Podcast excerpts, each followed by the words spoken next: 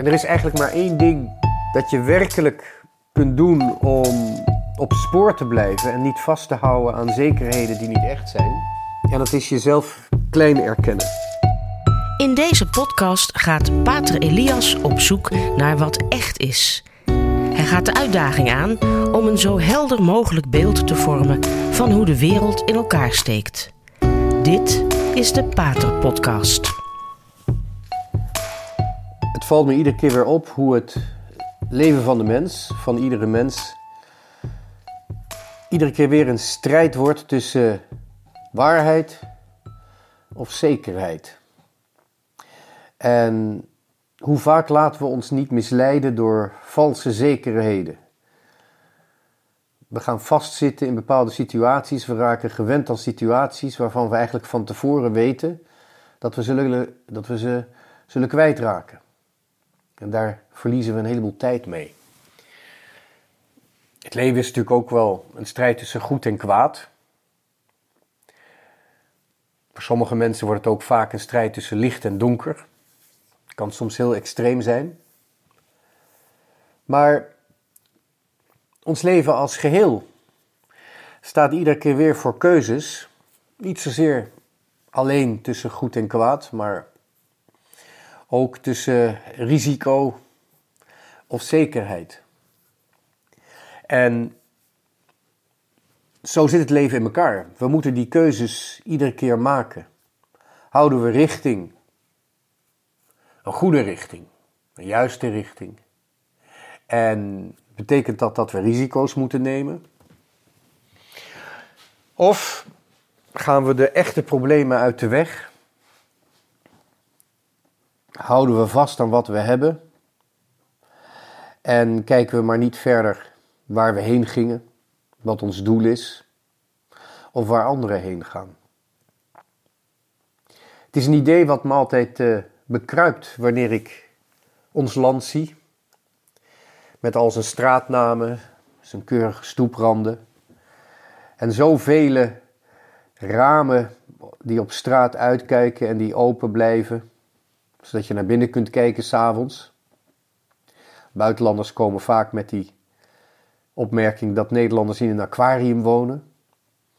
En als ik dan naar, naar binnen kijk, dan zie je die, die uitstraling van de zekerheid. Meestal het gezinnetje dat naar de televisie zit te kijken. Nederland heeft in zijn cultuur altijd iets gehad van het uitstralen van een bepaalde zekerheid. Is misschien verbonden met het Calvinisme, de predestinatie. De predestinatie die zegt je gelooft, dus je bent gered, kan niks meer aan veranderen. De zekerheid is totaal. Het is vreemd zoals ons protestantisme getekend is door aan de ene kant de ultieme vrijzinnigheid, waarin je eigen aanvoelen belangrijker is dan de kwestie of God wel of niet bestaat. En aan de andere kant heb je die extreem Calvinistische mening dat er eigenlijk maar één wil is in het hele universum. De mens heeft plaatselijk en tijdelijk wel wat te willen, maar daarmee is alles gezegd. Het uiteindelijke heil, de richting waarin je gaat, die heeft God al bepaald, de voorbestemming. En dat betekent dat dus eigenlijk maar één iemand echt vrij is in het hele universum, en dat is God. Het is vreemd zoals die twee extreme richtingen altijd proberen elkaar in evenwicht te houden in Nederland. De extreem Calvinistische, veroordelende manier. En aan de andere kant de extreem vrijzinnige club van mensen die ja, eigenlijk meer met zichzelf bezig zijn dan met God, als ik dat zo heel eerlijk mag zeggen.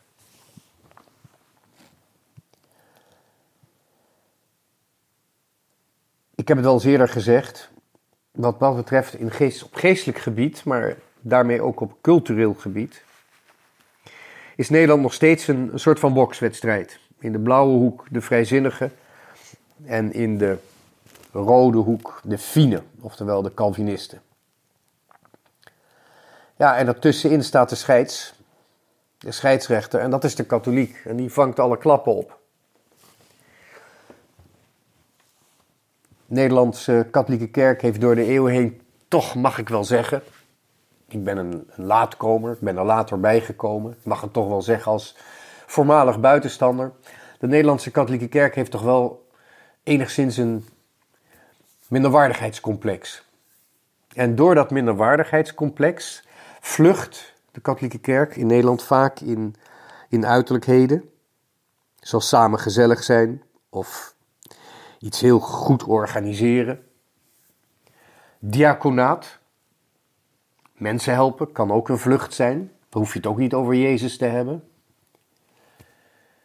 En in emotie, die moet je hart volgen. Het is geen kwestie van rationeel denken of debatteren. Nee, het is een kwestie van gevoel. Zo heeft die katholieke kerk in Nederland enigszins weten stand te houden. Midden tussen blauw en rood. Midden tussen de harde klappen van de vrijzinnigen en de harde klappen van de Calvinisten. En zo bevinden we ons in een, in een cultuur die getekend is door dat zoeken naar zekerheid. Het vastklampen aan, aan zekerheden die als je erover nadenkt allemaal zullen verdwijnen. Namelijk aan de ene kant de zekerheid van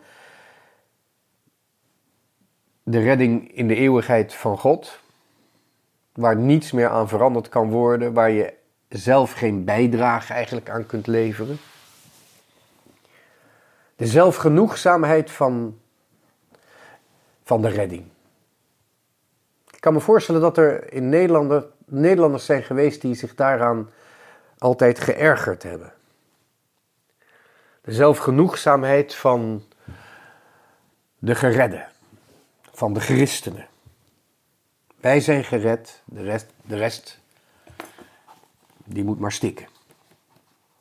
In de hel. Die zekerheid van de verlossing, van het geloof, die kan inderdaad een ongelooflijke zelfgenoegzaamheid met zich meebrengen. En ik kan me heel goed voorstellen stellen dat daar mensen zich aan geërgerd hebben. En aan de andere kant heb je dan de zekerheid van het gevoel. We voelen ons goed, we zijn blij. Laten we even wel wezen, de vrijzinnigen zijn ook vaak rijk. We hebben genoeg. We zijn begunstigd, we zijn begenadigd, we zijn cultureel, we hebben poen. En we zijn natuurlijk, dat is het belangrijkste, tolerant. juist in die vrijzinnige hoek zie je een, een, een zelfgenoegzaamheid die niet zozeer heeft te maken met het feit dat je door God bent gered, maar dat je jezelf gered hebt. Je kunt je permitteren om helemaal achter je eigen geweten aan te lopen. Want je hebt een eigen omgeving gemaakt waarin je je zeker voelt, waarin alles mooi is, waarin jij jouw idealisme volmaakt in praktijk kunt brengen. Je bent je eigen godje in je eigen hemeltje. Ik kan me voorstellen dat zich daar ook mensen aan ergeren. Of misschien om lachen. Er is altijd een hele komische combinatie mogelijk van beschaafde pretentie en onnozelheid en naïviteit tegenover de wereld. Wij zijn beschaafd. Waarom kan nou toch niet iedereen beschaafd zijn? Je kunt, zo bezig, je, je kunt je zo bezighouden met je eigen tolerantie dat je eigenlijk helemaal niet meer weet wat je wel gelooft. Ik geloof dat je vrij moet zijn. Ja, oké, fijn. Maar wat geloof je dan met die vrijheid? Hoe hebben we die vrijheid gebruikt? Die twee extremen zien we in ons land en die twee extremen houden vast aan zekerheden die wel eens van heel voorbijgaande aard zouden kunnen zijn. Want waar willen we heen? Als we al zo zeker zijn van onszelf en vasthouden aan zekerheden in dit leven,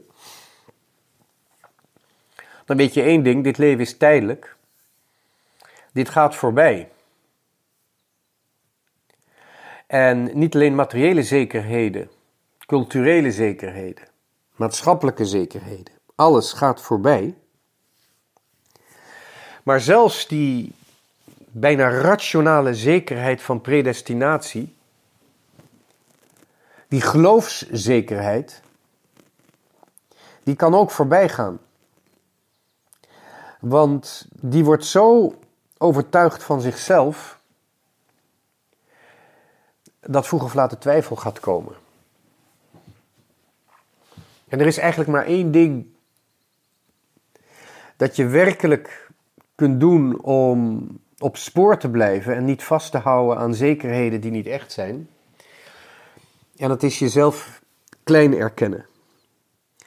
De kleinheid, de werkelijke nederigheid tegenover de Almachtige Schepper.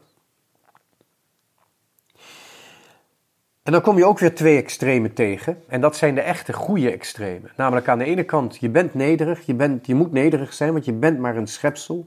Je bent gered, je bent verlost. Maar je krijgt wel een eigen verantwoordelijkheid mee. Predestinatie is een illusie. Althans, zoals Calvijn hem geformuleerd heeft. God ziet een eeuwigheid, maar wij zien niet een eeuwigheid.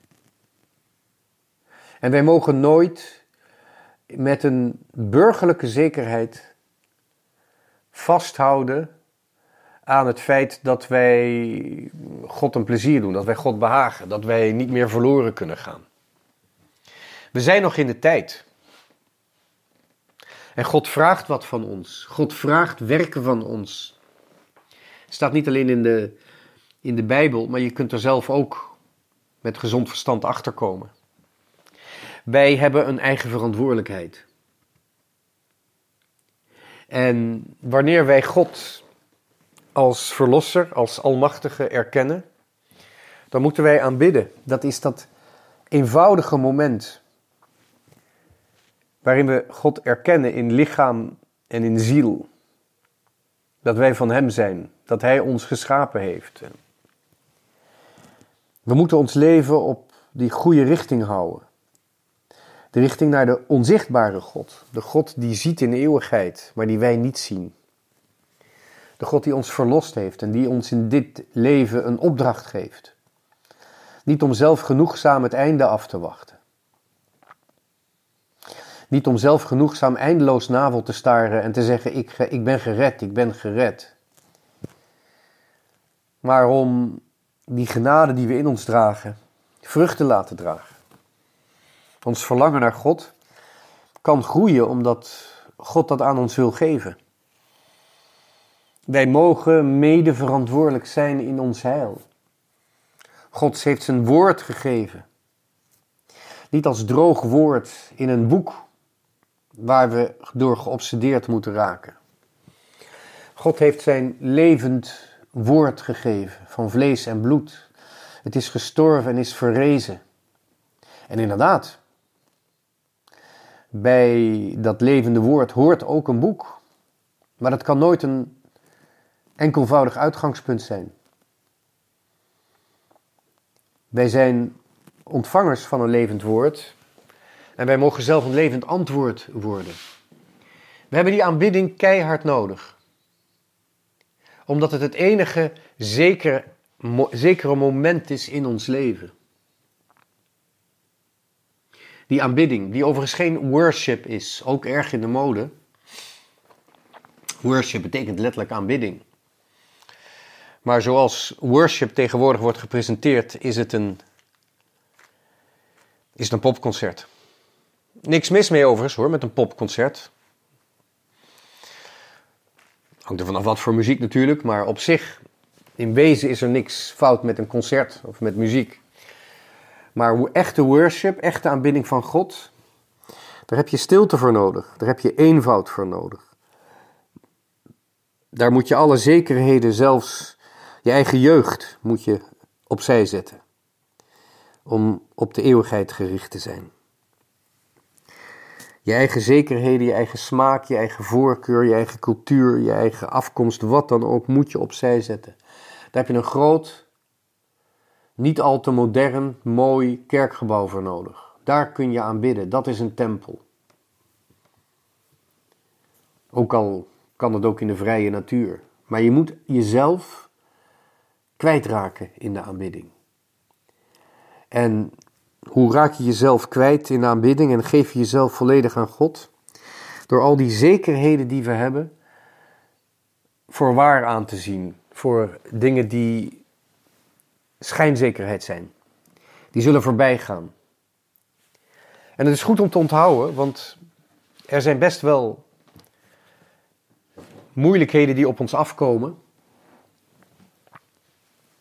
Die al die zekerheden best wel eens plotseling bij ons weg zullen kunnen nemen. Dan zullen we God nodig hebben en dan zullen we elkaar nodig hebben. In deze tijd waarop we wachten op de Heilige Geest, wens ik u heel erg toe die eenvoudige momenten van erkenning van ons eigen zijn. Ik eh, wens u erg toe die momenten dat er niets anders meer is dan aanbidding. Het erkennen van God als onze verlosser. Momenten van erkenning dat wij een onzekerheid hebben in onze relatie met God. Namelijk de vraag: wat is ons antwoord op God?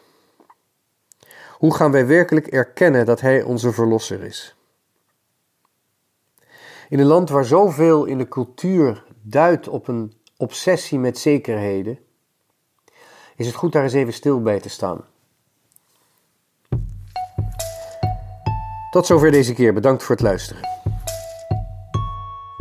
Dit was de Radio Maria Pater Podcast met Pater Elias. Deze podcast is online terug te luisteren via de website van Radio Maria en andere podcastplatforms.